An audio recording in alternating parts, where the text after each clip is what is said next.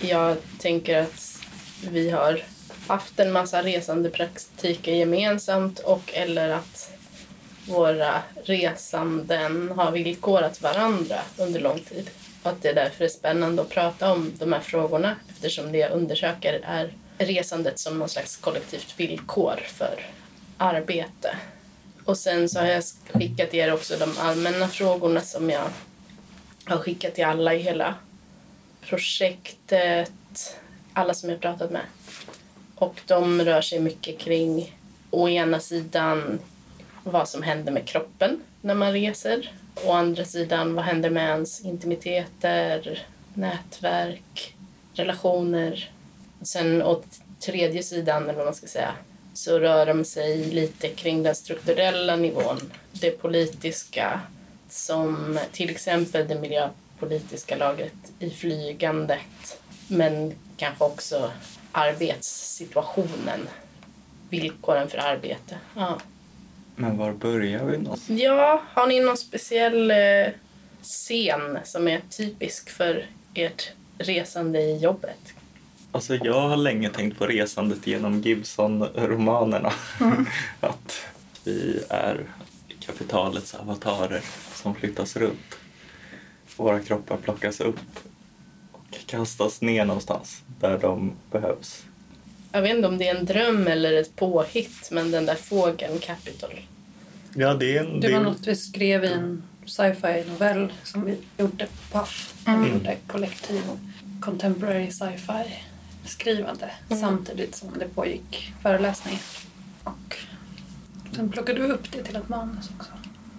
I en pjäs som heter Join som också på ett sätt handlade om resande och arbete och den där Gibson-bilden som du tog upp. Mm. Vad är fågeln Capital? ja men det är ju det Gabriel sa. Ja. Det är en sån här fågel som i Sagan om ringen där de får, fast det är tvärtom, men där är en sån här fågel som de får resa på. Men det här kanske är mer en fågel som tar den i näbben. Liksom. Som flyttar runt den och till olika ställen. Dess krax låter så. Capital. Ja, det är liksom det som är det är därför den... Hur känns den där kroppen som då är ny på något vis i den där näbben? Vad är det för självbild som kommer fram där? Alltså, ja, du får svara på det, Gabriel. Det är inte min, min bild. Ja, men det är väl lite så här, jaha, här kommer fågeln igen och hugger tag. Eller jag vet inte, jag tänker att det finns kanske i alla fall tre sorters resande som känns ganska olika. Det mm. ena är liksom de här tågen och bussarna genom Sverige till olika funktionalistiska lägenheter. Det andra är de europeiska resorna som involverar flyg och andra språk. Och sen så finns det någon tredje nivå som kanske är när man hamnar på någon annan kontinent. Kan du säga något om skillnaden? Ja, men den första nivån är ju väldigt trygg. Alla tåg är likadana, alla små svenska städer är likadana, alla gästlägenheter är likadana. Det är alltid affischer på produktioner från 80-talet som hänger på väggarna. Och resor till Europa känner jag mer är så här input eller så intrycken är det som dominerar. Och reser man bortom Europa då är min utgångspunkt att jag aldrig kommer tillbaka till Porto Alegre eller Tokyo. Det är ah, ja. liksom mm. en gång per liv. Och då blir det ju inte så intressant att upprätta relationer och så. Ebba, har du också någon bild som liksom skulle motsvara den här med Capital fast din egen? Nej, men jag tycker att den gör ju den där kroppen extremt passiv bara. Man kan ju verkligen förstå det så att det bara är som små näbbmöss de springer runt. Och sen kommer en stor fågel som är en liksom kraft och plockar och gör vad den vill. Men jag, alltså jag menar att det kan finnas både en så vilja att resa och en ovilja och att de grejerna finns inte med i bilden. Jag säger inte att så här, det finns en, en intakt vilja av det ena eller andra. Jag tänker på en kompis som inte hade en fast anställning och sa det är så himla skönt att inte ha en fast anställning. Eh, jag eh, vill ju prova på många saker så här i början av mitt yrkesliv. Och sen efter sex månader fick jag fast anställning och sa det är så skönt att ha en fast anställning. Eh, jag kan ju alltid ta tjänstledigt men det är också väldigt bra att vara på en och samma ställe så att jag kan få en kontinuitet så här i början av mitt arbetsliv.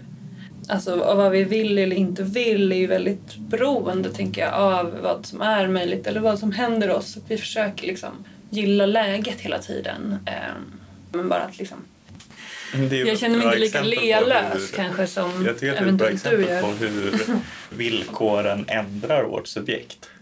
Hur de materiella villkoren på något sätt omformar Mm. vilka vi är. Men det kan ju också vara motsatt, att det är så här, ja men det är hemskt att vara frilans och kastas runt. Och sen när man får en anställning känner man att det är hemskt. Ja, jo. Ja, det har jag också hört såklart. Hur började egentligen resandet för oss, för er?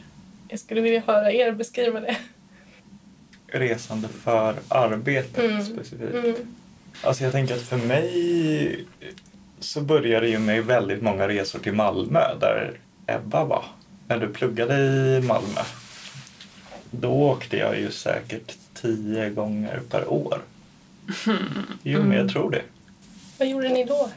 Ja, vi gjorde ju olika föreställningar. Gjorde Human Agency och Avatar var och Det måste ju varit först. Och sen så tänker jag att det finns en så här uh, Linköpingsperiod som vi alla är involverade i. En Ungsen Öst-period. Jag tänker att det där, den perioden, att ganska mycket möjliggjordes också av att vi hade två olika baser. Eller vi pratade ju till och med om det på det sättet lite på skoj men också så här, typ, det är jättebra att ha ett kollektiv som är utspritt därför att vi kan täcka större värld. Ja, men det underlättade ju väldigt mycket för att vi kunde spela i Stockholm och Malmö. Att vi hade kopplingen liksom Turteatern, inkomst.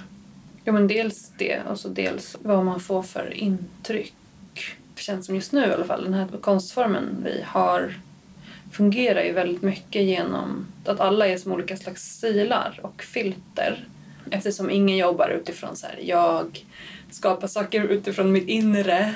Det är liksom att man läser saker eller ser saker och så sen stoppar man det på en scen på olika vis. Och då blir det liksom avgörande också vad för typ av intryck du tar till dig. Därför det är ingen som tänker att så här, "Nej, men jag är ett geni så att jag kan befinna mig var som helst. Jag kommer ändå få inspiration. Utan alla vet att så här, det beror på var jag försätter mig, vilka som är mina kompisar, eh, vilken bok jag läser, vad jag äter, vilken slags yoga jag gör. Den som reser och ser massa saker det kommer påverka kanske.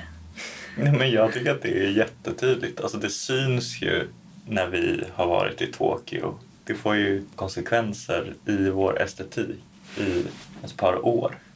Syns det också när vi har varit i funktionalistiska lägenheter i hela Sverige? Ja, förmodligen. Ja, men det lägger väl en sorts filt överallt. Socialdepressiv filt. Ja, precis. Det är det Ja. man ser nu, det vi gör nu. Ja, Det kanske kan så... höras i Spöken i maskinen till exempel.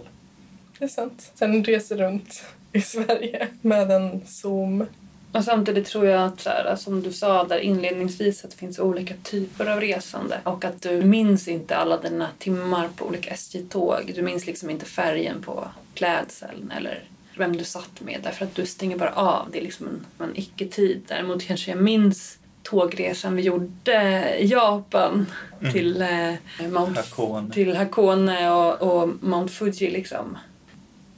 Vad tänker du? Hur började det för dig då, Tova? Kanske att det egentligen började med eh, My Choreography.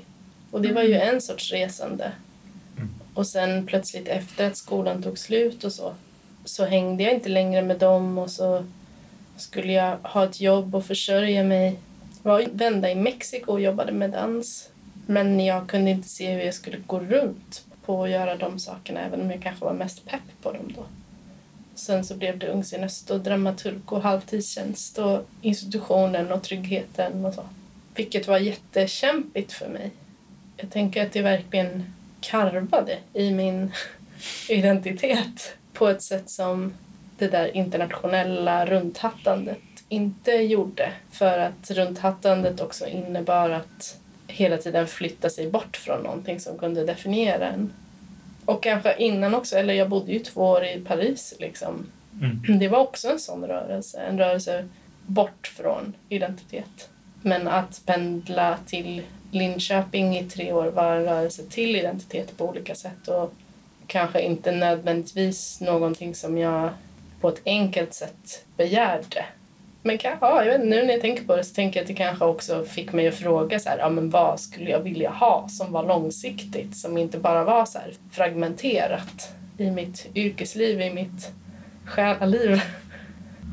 Och att en del av det här behovet av att prata med en massa människor som också har hattat runt en massa i sitt yrkesliv kanske också kommer ur den frågan, liksom, eller den processen. Att resandet verkligen har gjort olika saker med mig i olika sjok. Nu har jag ju blivit den som vägrar hela tiden flytta på mig.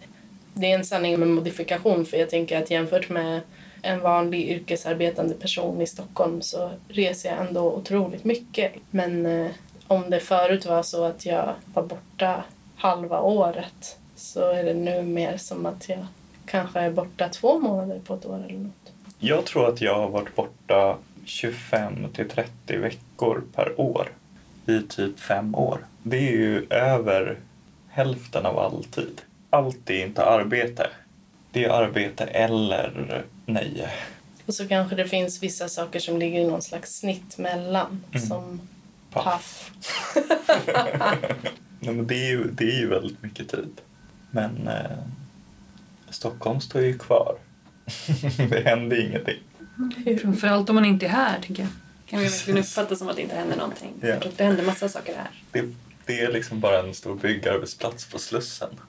För Den har varit där i åtta år nu. Vad förvånad du ska bli när det plötsligt blir klart. Ja. Alltså, ur det perspektivet händer ju ingenting någon annanstans heller. Jag, jag menar med det att om man är organiserad av arbete så är det det man ser. Och det tycker jag kan vara alienerande med resande. Att eh, komma till en plats och vistas i någon studio och lära känna den institutionen. Och jag vet hur producenten ser ut. Och jag eh, har gått till H&M på huvudgatan. Men jag har ingen aning om vad som försiggår där för att när jag går från jobbet så är jag alldeles för trött för att försöka ta några nya sociala initiativ. Jag är glad om jag lyckas ta mig iväg till en träningslokal en gång. Det har jag aldrig lyckats Nej. under någon resa.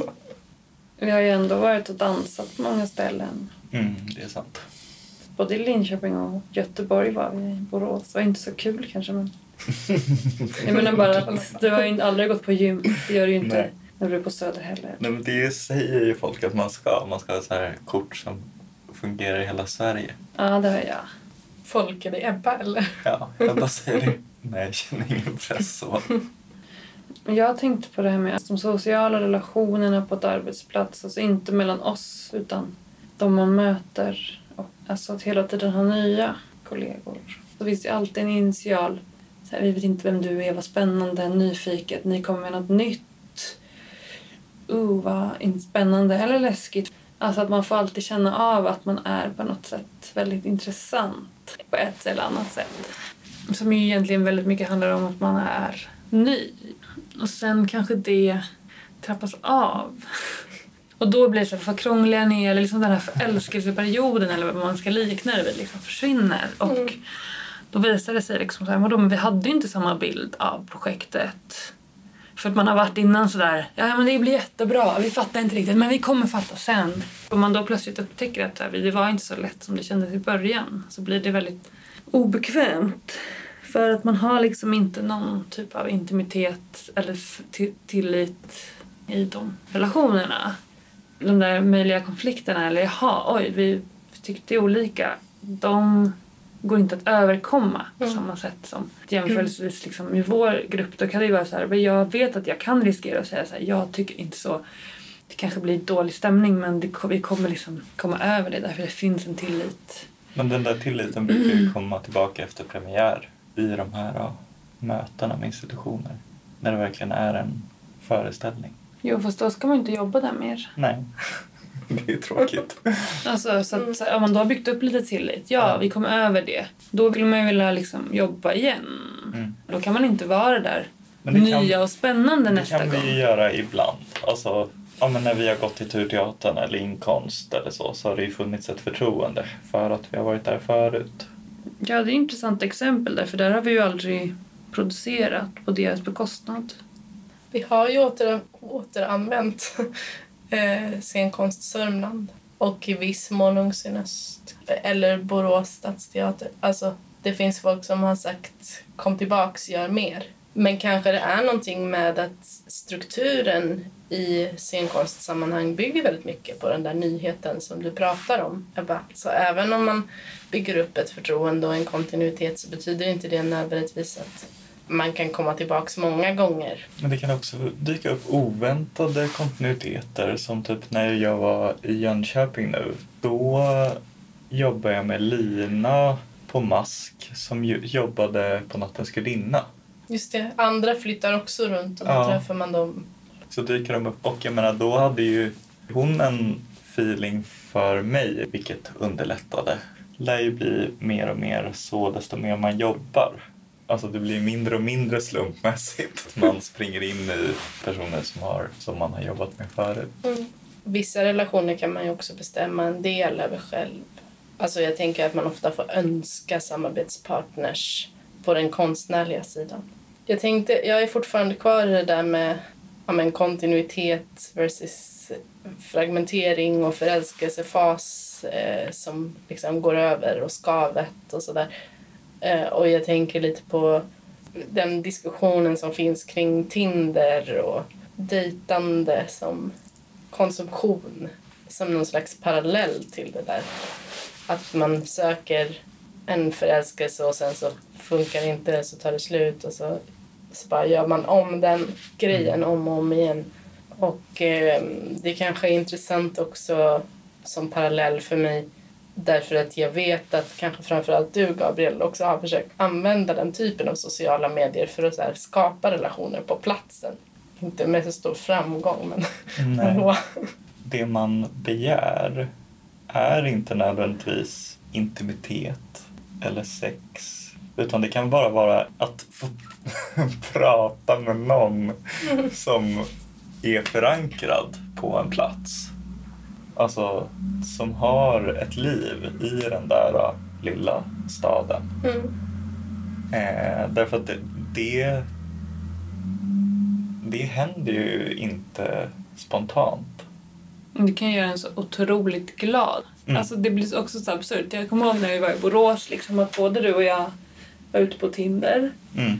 Och att det var så här, att jag kom hem och bara Det finns ett område där folk har musikstudios och svartklubbar. ja. Och du bara Det finns folk som gör mode och design ja. på en skola. och vi var så här, rätt glada bara typ, att ja. det fanns typ så här, folk. så här, det är klart det gör. Liksom. Och det är så här. Att man vill eh, veta att det finns ett liv. Det här är inte med dejtande att göra men jag tänker att det finns lite olika strategier alltså i resandet där en kanske är så här, att liera sig med kapitalismen. Alltså på det sättet att så här, ja, men jag, har, jag dricker samma energidryck oavsett vad jag är. Liksom champagnen smakar likadant vad man än är. Och då hugger man tag i den det finns en liksom generisk nivå av global kultur som man kan hooka upp mot och, mm. och känna en trygghet i. Sen så finns det någon annan strategi som är lite så här, gå på länsmuseet i Jönköping eller så här, gå till Arbetets museum i Norrköping. Eller så här, att försöka förkovra sig i det specifika eller så här, försöka hitta de där små, aha, läsa om Huskvarnas vapenindustri på 1700-talet mm, eller vad det är.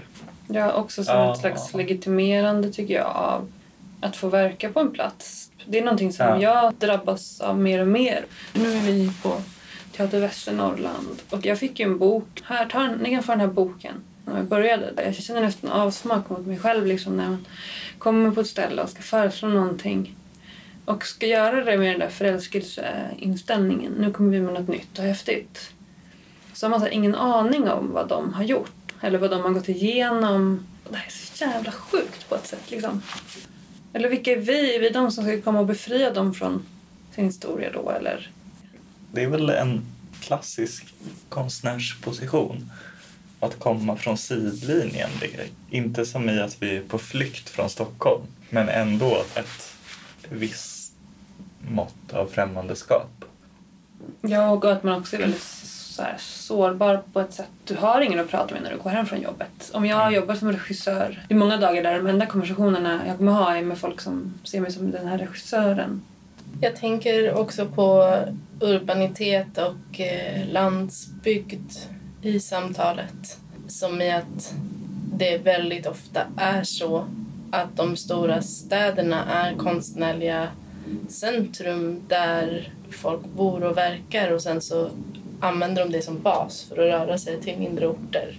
Jag undrar om det också kan förstärka någon typ av landsbygdsfrakt hos mig ibland när jag bara blir utkastad på olika orter där jag inte nödvändigtvis vill vara, där jag inte nödvändigtvis har något nätverk, där jag längtar hela tiden efter någon annan, någon annanstans. Och då börjar man liksom karikera den där orten som en jävla Köping eller vad det nu är man gör. Liksom, det blir någon typ av våld i det där. Som jag tänker att det där med att vilja läsa boken om Teater Västernorrland försöker kontra. Jag menar de här länsteatrarna de startade ju ofta av sådana som säger att det var vi fast på 70-talet som eh, flyttade till Sundsvall och startade en teater där. Jättemånga länsteatrar startar ju så att det är en grupp från Stockholm Ja. eller Teaterhögskolan i Malmö som tar över en länsteater och sen börjar de få pengar. Det kanske sker på andra sätt också nu. Jag tänker på typ, till exempel det där att institutet har flyttat till Tornedalen och startat en scen där. Går från att liksom ha varit turnerande internationell. De kanske fortsätter att vara turnerande internationell men de skapar sig en bas i byn där en av medlemmarna kommer ifrån och så här, nu ska vi göra lite mer community. Jag tänkte också på den där frågan om starkt negativa eller starkt positiva reseerfarenheter i relation till arbete. Det som är starkt positivt är ofta vårmötena på Paff eller liksom dans, alltså typ somatics på eh, uh, impulsdans, situationer man hänger några dagar eller veckor med ett gäng och lär sig något ihop. De mest negativa upplevelserna är ju när man inte fattar vad man gör där. Nu är jag här, vad, men vad gör jag? Hur blev det så här? Hur hamnade jag här? Jag kan nog tycka att de här, att åka någonstans, bli så här väl mottagen som expert och kunnig på någonting. Och sen få säga sin mening, kanske kunna ta i lite extra för att du ändå inte har riktigt någon ansvar.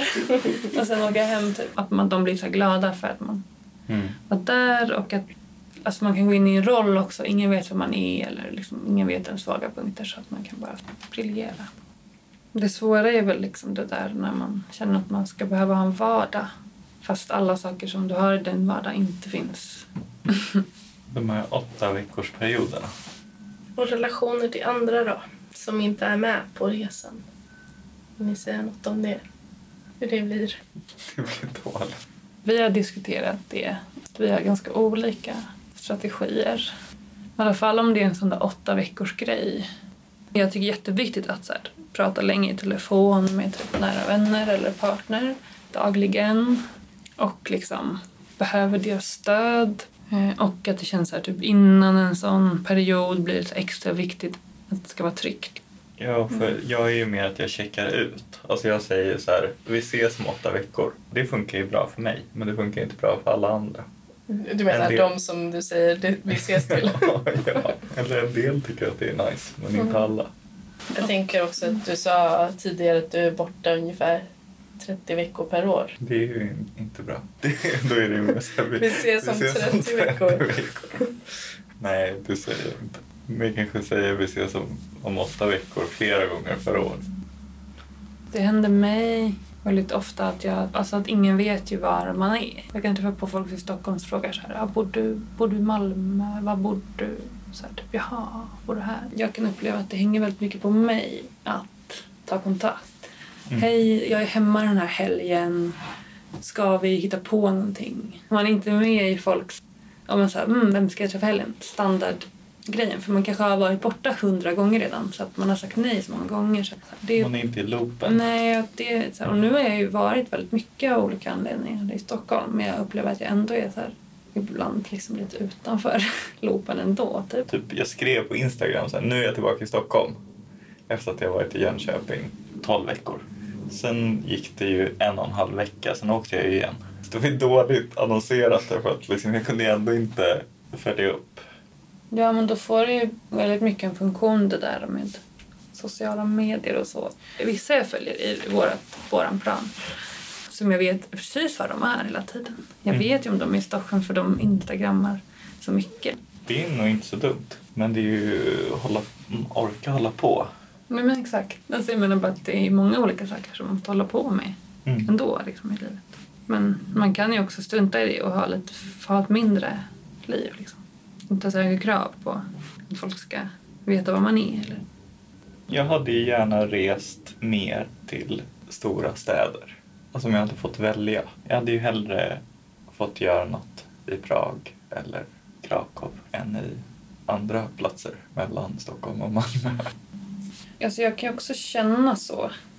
Och det handlar väl också om på något sätt vilka du är nära och inte. Eller hur de ser ut, hur deras affischer ser ut, på vilket sätt människorna där pratar om konst. Jag känner så här noll intresse så många gånger. Liksom. Ibland kan jag känna men spännande men väldigt mycket är så här, typ jag känner noll attraktion. Då så här, vem blir jag? Vad händer med Medivir? Alltså, så, jag tror att jag håller på med någon slags bättre eller mer up to date eller mer intelligent konst. Och så ser jag liksom så här, de här sakerna de gör och så är jag också där det blir en spegel. Och att jag måste fejsa det futtiga i liksom vad det är man gör. Typ. Mm. Fåfänga typ. Att här, vilken fest jag får gå på och att jag vill gå på rätt fest. Typ, så här, och att jag inte heller kan tänka att det är jag, den festen jag får gå på är rätt fest. För att jag vill man vill alltid vara på den andra. Och samtidigt så måste jag också bara ta det på allvar. Jag tänker på att jag var på en så här endagskonferens i Malmö. Då var det ändå i Malmö på så här, det var inget fancy ställe men de hade gjort en samlad ihop eh, 50 pers som var olika scenkonstnärer och pedagoger från olika ställen i världen som skulle prata om så här, nya utbildningar. Och jag kände så här, wow, vad kul vad mycket jag lärde mig av att prata om scenkonst för ungdomar med de här tre personerna. Och då kan jag känna att det är på riktigt så att så här, jag skulle kunna utvecklas mer eller det jag gör skulle kunna förstås på ett annat sätt, i ett annat sammanhang eller andra kvaliteter av det. Jag kan tycka att det är så här men åh, det vi håller på med handlar om så mycket mer än bara deltagande och interaktivitet. Det finns så massa saker mer som vi kan om men det är aldrig det som, som vi får säga någonting om. Jag tänker att det är någon typ av nätverk som man kan hamna i eller utanför. Och Mm. att av någon anledning så är Nix väldigt mycket i det här regionala nätverket. Vilket innebär att man får fler förfrågningar från det nätverket och så vidare. Mm, kan man påverka det? Jag tror att det finns en massa sådana där grejer som att eh, vara, vara med till nu IETM, göra showings på olika...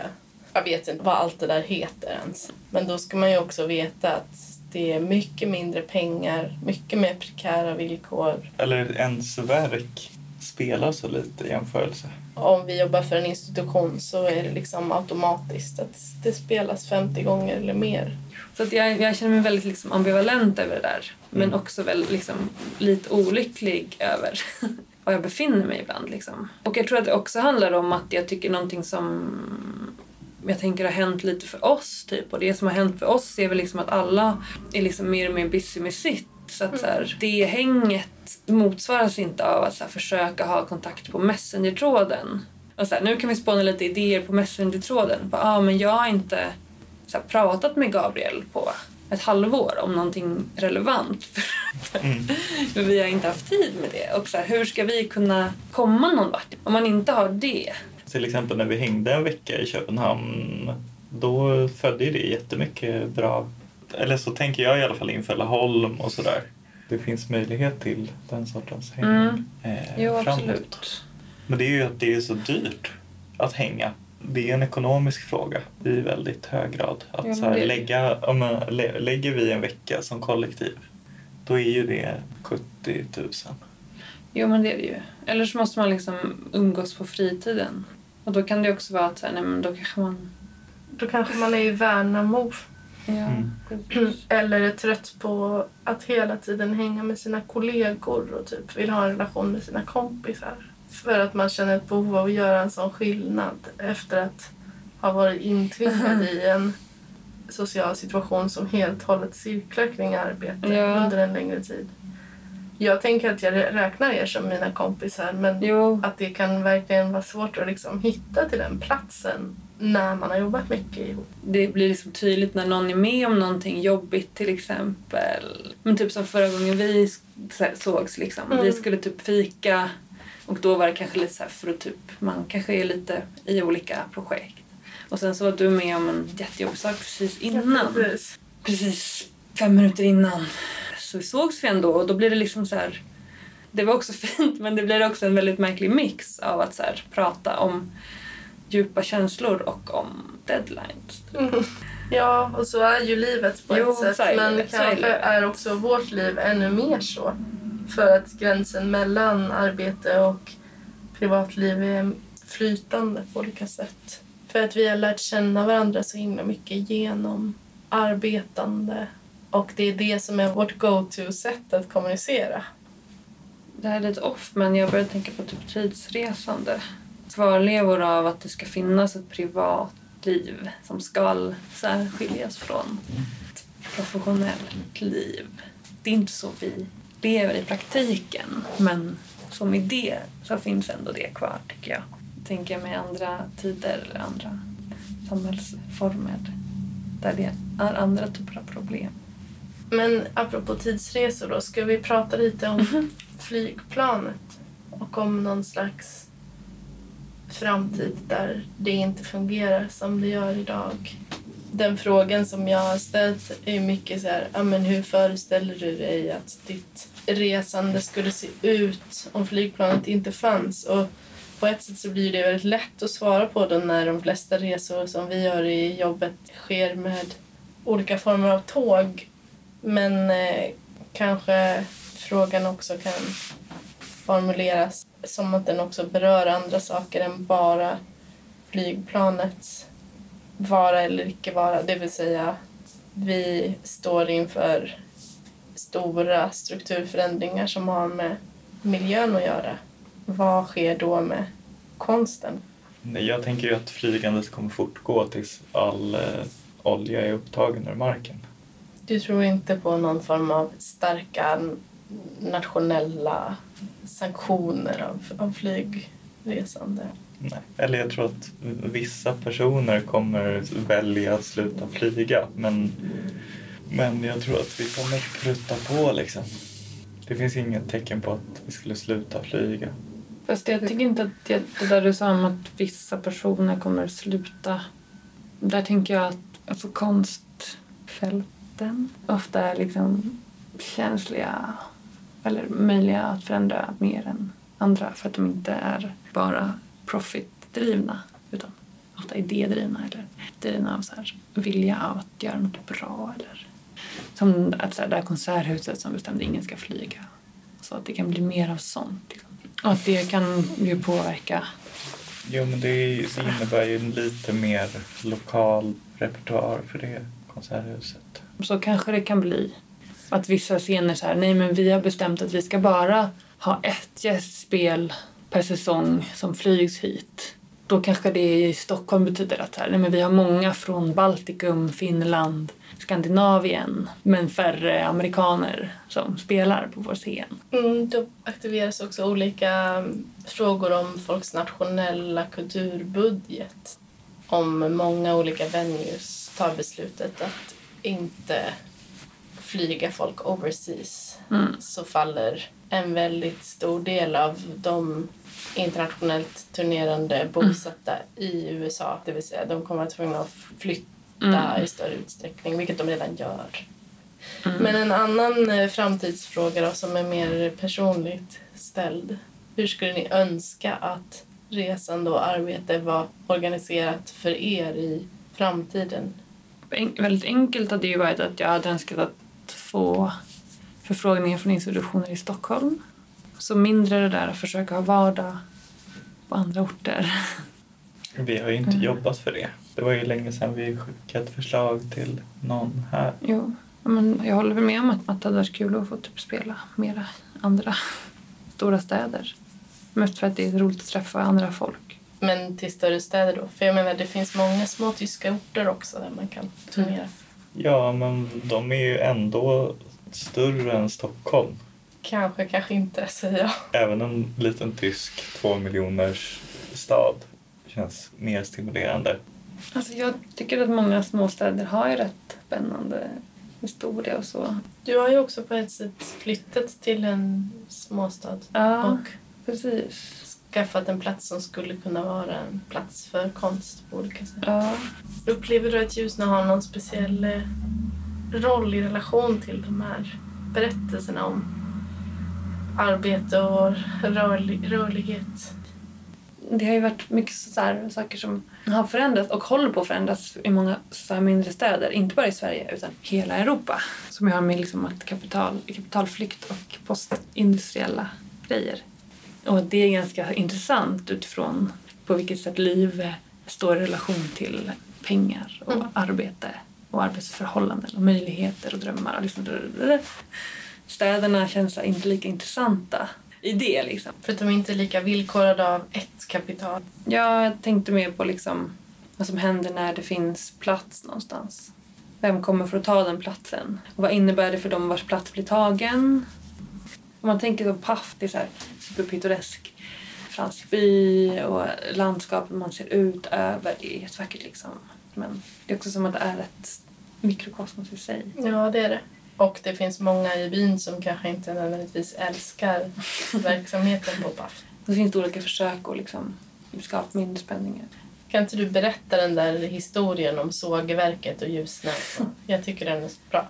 Om varför Ljusne är tomt. Nej, men en intressant sak där är ju att folk extremt mycket lever i det där historien. Alltså, typ en gubbe som kom förbi häromdagen till mig. Eller så han cyklade upp liksom på min infart och så gick runt och snokade och jag bara hallå, typ, hej hej. Så här. Jag letar efter en katt med bortsprungen. Så hälsade vi och så frågade han vem jag var och så sa jag så här att jag var nyinflyttad. Så sa han att jag har bott här sedan 64. Och, då, och så, så bara liksom där så är liksom portalen öppnad till att man bara så här, det var en annan plats då, jag är så jävla så här förbannad över hur det har blivit. Eh, det var 5000 personer som bodde här, det fanns 4000 arbetare på fabriken. Liksom. Och så där är det varenda jävel du träffar liksom. Porten till historien och hatet mot Ska halviska familjen. det är så, Ja. det är så tunt liksom. Halvvilska familjen hade fabriken. Eller den familjen som var gifte in, där Hallwyl gifte in sig. Mm. hette Kämpe, de var ju från början en, en handelsfamilj som skeppade liksom så kallade kol- kolonialvaror till södra Norrland liksom, via hamnarna i Söderhamn och i, i Ljusne. Och sen köpte de skog av bönderna och sen byggde de sågverket och anställde bönderna. Och så kunde bönderna få pengar och köpa kaffe och sprit som de hade skeppat in i sin hamn. Och pengarna kanaliserades ju till Hallwylska palatset. som byggdes utan övre gräns i budget. Hon som byggde Hallwylska palatset, hennes ambition var ju att katalogisera allt redan från början. Och det är så här, hur kan man ha det redan från början? Hon måste ju veta att det skulle ta slut. Hon måste veta att, att den exploateringen av skogen och arbetarna som skedde där i Ljusne och omkring var helt ohållbar. Så att det var lika bra att göra ett museum direkt för man visste att det skulle liksom inte kunna upprätthållas. Mm.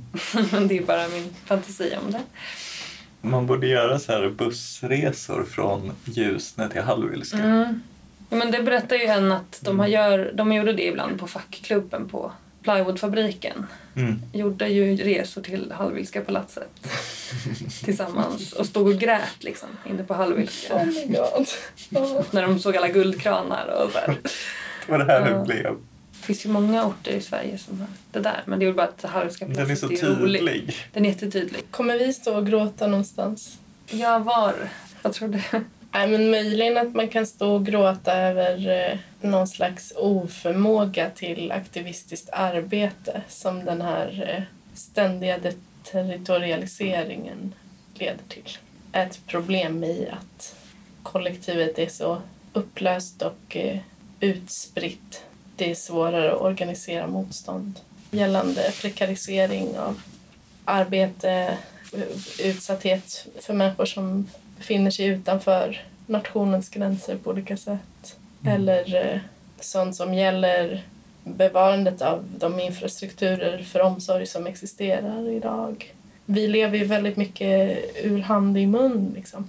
Och eh, det kan göra det svårare att skapa överblick och eh, beredskap på olika sätt när stora strukturella förändringar kommer. Kanske, men jag tror bara att det är en fördel att ha pipis runt då. Ja, kanske. Så kan man ju också absolut se det. Att vi har kapacitet eller en kompetens att liksom anpassa oss till olika platser och förutsättningar. Jag läser nu Peter Weiss självbiografi. Alltså när han till exempel kommer till Stockholm 1940, då har ju han aldrig varit här. Det är en annan situation att till exempel ha varit i nästan alla Europas länder. Och kanske till och med ha människor där som man har någon typ av relation till. Ja. Mm.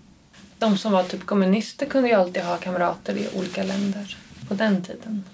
Men så är det väl lite fortfarande.